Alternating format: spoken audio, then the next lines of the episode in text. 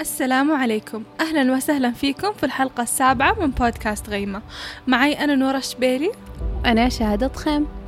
العلاقات القريبة من القلب الصحية المغذية اللي فيها دفء عاطفي وقرب وأمان حلم جميعنا نحلم فيه وطموح جميعنا نطمح يكون موجود في حياتنا. صحيح تماما. وكثير منا نتمنى ونتخيل ونسرح حتى في الخيالات العلاقات هذه اللي فعلا تكون مصدر دفء وأمان بالنسبة لنا ولكن هل من الممكن أن نصنع بدل هذا الحلم بخيارات غير واعية منا نصنع كابوس لنا؟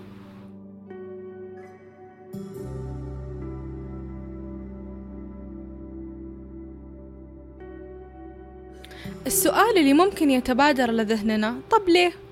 ليش؟ إحنا مثل ما قلنا أول حلمنا كلنا علاقة صحية مفيدة سعيدة. ليش إحنا ليش نخلق كابوس؟ عشان إحنا نبي نضر نفسنا؟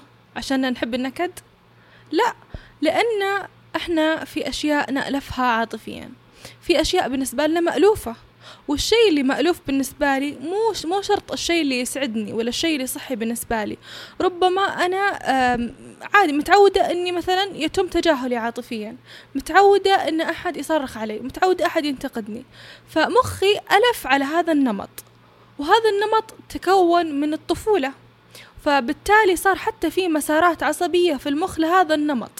اللي هو بالنسبة لي مألوف وبالنسبة لي غير واعي. أنا ما فعلا ما أدرك أن أنا من طفولتي وأنا قاعدة أحاول أصنع هذه الألفة مرة ثانية حتى لو أنها غير صحية بالنسبة لي.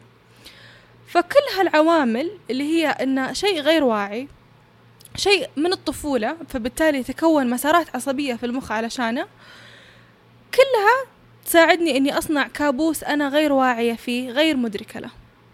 أوكي. الحين عرفنا أنه في أمور مرتبطة بالطفولة ومرتبطة بأمور عشناها حنا في المناخ العاطفي اللي كنا فيه في البيئة العاطفية اللي كنا فيها تأثر في طريقتنا للتعامل مع العلاقات وصنعها حتى. طيب إيش هي الثلاث أمور الأساسية أو الطرق اللي الواحد بلا وعي كامل ممكن يتخذها؟ الطرق الأساسية هي في الاختيار في الاستفزاز وفي التشويه في نفس العلاقات. طيب خلينا نتكلم عن الاختيار أكثر. وإيش المقصود أصلا بالاختيار؟ لما نتكلم عن الاختيار حنا فعليا نتكلم عن اختيار الشريك أو الإنسان اللي بنكون معه اللي بندخل علاقة معه. فالاختيار أحيانا ممكن يكون جاي من شعور مألوف. يعني حنا شيء عشناه في الطفولة نعيشه مرة ثانية. مثال على ذلك بنت جاها عدد من الخطاب بخلفيات متنوعة ومتعددة وأحد منهم قال لها والله أنا سفراتي كثيرة وأروح وأجي وأحيانا حتى سفراتي مفاجئة ولا أعرف متى تجي ومتى تروح.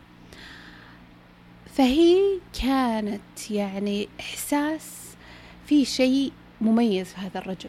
في شيء جذبها جدا جدا. وحتى راحت ممكن يعني ذهبت صديقاتها وتقول لهم أنا عندي إحساس إحساس انجذاب غير عادي. وهي فعليا مو الانجذاب لأنه في شيء مميز بهذا الرجل قد ما أنه هي ممكن عاشت نمط في طفولتها أنه الإنسان اللي مقدم الرعاية الأم أو الأب ما كانوا متواجدين كانوا في حالة بعد مستمر أو في حالة ذهاب مستمر. بالتالي في جزء مألوف انجذبت له في هذا الرجل.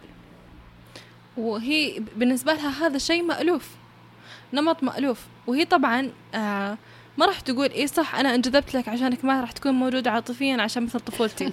طبعا. طبعا. فهي, فهي حتى المخ يحور الأمور ويخلي الغموض وحلو واللي يعني شيء يجذب صراحة. في شيء في شيء في شيء.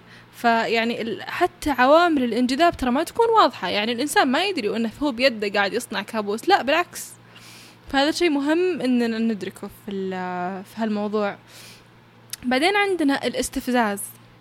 اللي هو أنا أحاول أخلي الشخص بشكل أو بآخر يظهر ردة الفعل اللي هي أنا بالنسبة لي مألوفة.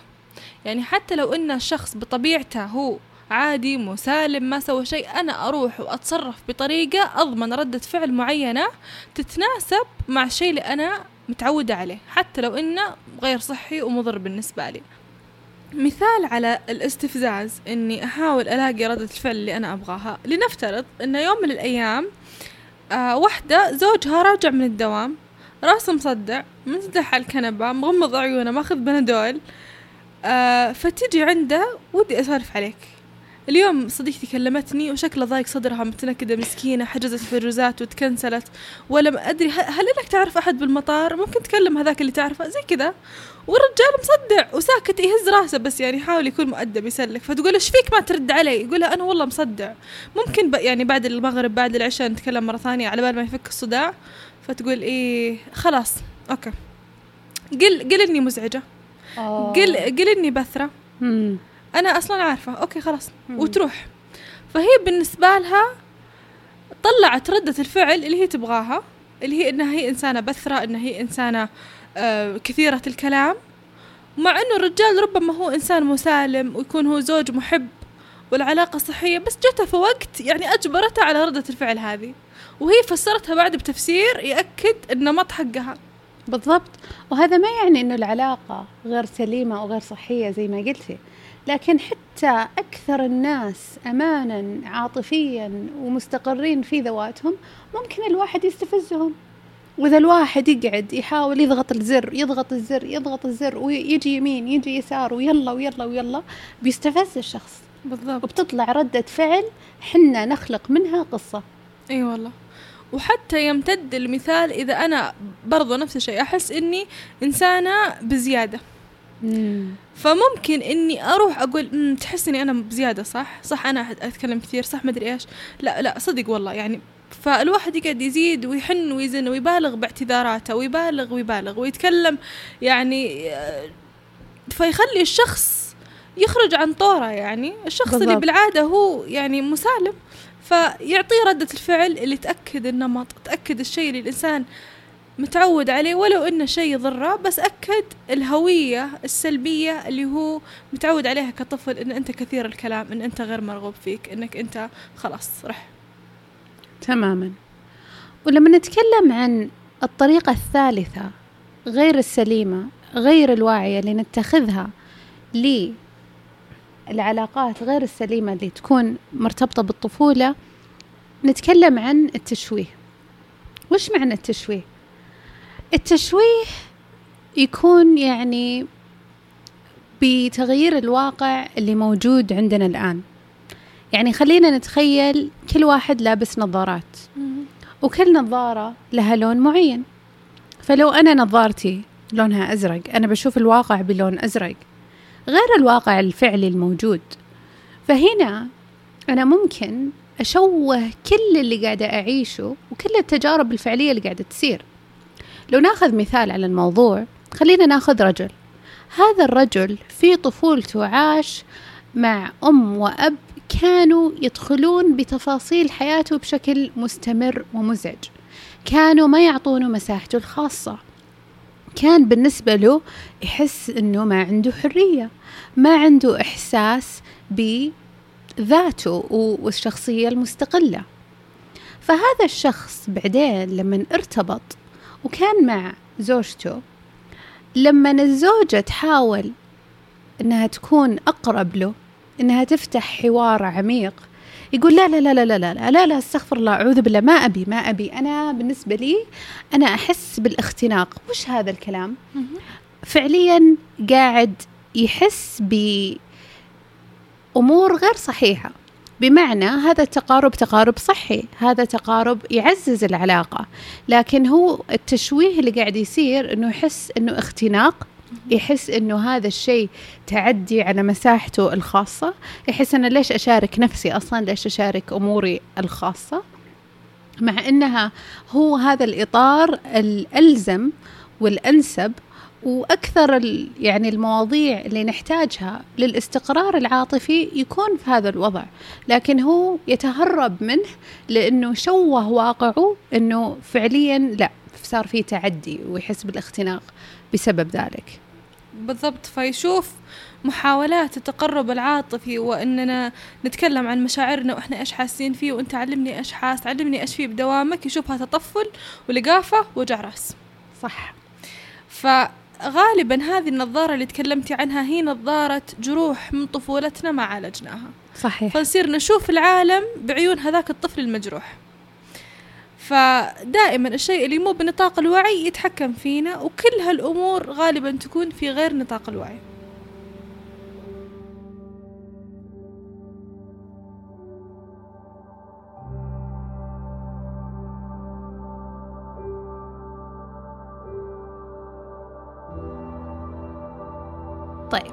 الآن لما فهمنا الطرق الأساسية اللي ممكن الواحد يخرب فيها علاقاته بدون ما يحس ويتخذ طرق غير واعية تضره بدل ما تنفعه في العلاقات السوية والصحية كيف ممكن نوجد حل؟ كيف فعليا نحل هذه المشكلة؟ في الحلقات السابقة كلها دائما ونكرر أنه الوعي والإدراك هو أول خطوة دائما الوعي والإدراك أهم شيء ممكن فعليا نقدر نجلبه لأنفسنا. وغالبا الوعي يأخذ مساحة من الوقت أنه فعليا يتحول إلى تنفيذ. بمعنى لما نكون واعين لهذه الأمور ما راح نتوقع بليلة وضحاها خلاص الواحد يتغير ويكسر الأنماط كلها اللي صار لها سنين وسنين تكونت من طفولة. أنها تتغير في ظرف قصير جدا. ولكن اللي نقدر نعمله ونقدر نتخذه مع أنفسنا اللي بالوعي والإدراك نقدر حنا نوقف. بمعنى لما يجينا الإدراك أنه أوه أوكي هذا نمط هذا شيء متعلق بطفولة وبيئة عاطفية كانت مضطربة أكثر قاعدة أحاول أعيش شيء مألوف أكثر من أنه شيء صحي. ممكن الواحد يوقف ويقدر أنه حتى لو مشى بأمر معين يأخذ خطوات للوراء يقدر يرجع يقدر يتدرب إنه بس يوقف وإنه يشوف في لحظتها إنه يكون متواجد في لحظتها. وكيف هذا الأمر مع الوقت يصير أسهل. بالضبط لأن غالبا في كل هالثلاث طرق آه يكون في اندفاع. يكون في فعل وردة فعل ما في بينهم فاصل. فإذا قدرنا يصير في فاصل بين الشيء اللي يحصل قدامي أو الموقف اللي ألاحظ أني على طول بسوي واحدة من هالطرق وبسوي شيء دفاعي بسوي شيء غير سليم أوقف. أوقف وأختار ردة فعلي بحيث ما يصير شيء بس كذا يصير بشكل تلقائي يصير بدون تفكير لا يصير شيء بوعي. يصير شيء أنا بسوي هالشيء لأني ما أبغى أتصرف بناء على آلامي بناء على جروحي في الطفولة لا. أبغى أتصرف وأختار تصرف يفيدني أنا أولا ويفيد الشخص اللي يهمني اللي معي في العلاقة. فمجرد أني أتوقف وأفكر بهالشيء هذا شيء بسيط ظاهريا بس إنه له فائدة كبيرة صراحة وعلى جداً. طول يساهم إننا يتكون عندنا هذه المساحة بين الفعل وردة الفعل. كذلك آه، مهم إننا نفهم إنه هذا التوقف لحالة يصنع مسار جديد في المخ. كل مرة نتوقف ونختار خيار غير عن اللي إحنا بالعادة متعودين عليه يتكون عندنا مسار جديد في المخ أصح وأفضل من المسار القديم.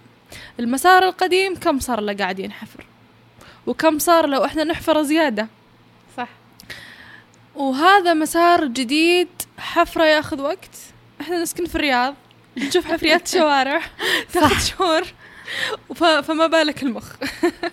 على بال ما نسوي طريق جديد ونسوي يعني مسارات عصبية جديدة يبغى لها صبر يبغى لها حتى لطف مع الذات. وتكرار. وتكرار. وعادي الواحد ترى أحيانا الواحد يعني خاصة إذا هو أصلا سرحان ولا يومه صعب بسرعة يرجع لأنماطه السيئة. صحيح. وعادي تحصل يعني حتى أفضل يعني أحكم الناس في الحياة أحيانا يخطئون يرجعون لنمط سابق. فهي الفكرة مو بأننا خلاص يعني طبنا صح. لا. وكمان نقطة مهمة لازم نتذكرها اللي هو الإدراك والوعي هذا لازم يكون أيضا رفيقه المستمر التعاطف والرحمة التعاطف مع أنفسنا التعاطف مع الرحلة اللي قاعدين نتخذها التعاطف من الأشياء الأساسية اللي حنا كنا نذكرها في الحلقات السابقة ولازم نذكرها الآن. لأنه لما يأتي الوعي ويأتي الإدراك يأتي اللي هو الحفريات اللي حنا قاعدين نتعامل معها. يأتي يعني الأمور الشاقة اللي لازم نتعامل معها الجروح. ولكن مع التعاطف والرحمة نقدر نعطي أنفسنا حتى قبل الآخرين المساحة اللي في خلالها نقدر حنا نتشافى. والجميل في موضوع التشافي والجميل إننا إذا بدينا في رحلتنا الخاصة إننا نتشافى من هالجروح إننا فعلا كذا نقول خلاص أنا تعبت من الطريقة اللي كنت عليها. صح. وأنا أبغى أص... يعني علاقتي تصير علاقة صحية أبغاها تكون مصدر فرحة لي مو مصدر نكد وعوار قلب فإذا أنا نويت هالنية وبدأت أتشافى بدأت في رحلتي للوعي وللتشافي غالبا إنه ينعكس على الشخص الآخر. غالبا إنه يكون في إحساس إنه أوكي النمط بدأ ينكسر. لأن غالبا هذه الأنماط يعني شخصين أو أكثر يخلونها تستمر وتتعزز. فإذا شخص واحد إيه شخص واحد قرر لا أنا بكسر النمط. فيبدأ التشافي يمتد في العلاقة في خارج العلاقة في الصداقات في العمل في أكثر من مكان. فهذا الجميل في التشافي إنه ممكن إنه يمتد إنه شيء في, في متناول يدنا كلنا.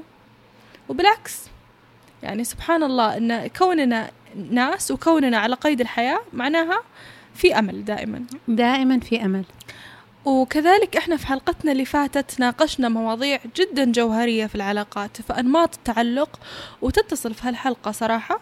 صحيح. فجدا ننصحكم إنكم تشوفوا تسمعونها لأنها حتى فيها قصص وفيها كذا أشياء يعني ممتعة. ممتعة.